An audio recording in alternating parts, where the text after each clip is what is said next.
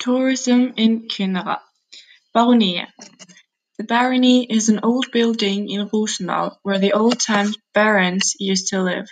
The building dates back to 1665 and was last inhabited in 1927.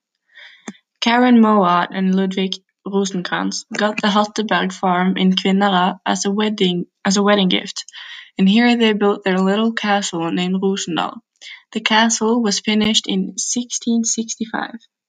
The little castle is surrounded by a beautiful and historical 300-year-old Renaissance garden with over 1,700 rose bushes. Steinparken Steinparken in Rosendal is a park open to the public, with different rocks on display from all over Folgefonn's Halvøya. The park is open every day all year. There are no workers there, you just walk around and look at whatever you want to.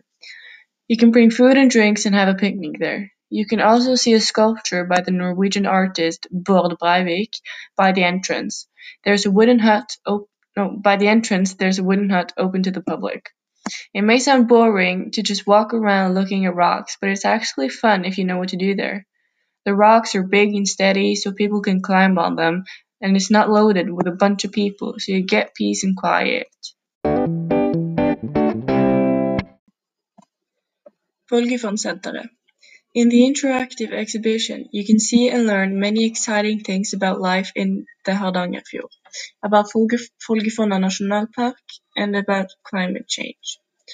Folgefonnsenteret has a joint ticket with Skipsbyggermuseet Skålurenssamlinga so that you can also experience the history of the wooden boat building in the area, which was at its peak from 1850 to 1950 during your visit.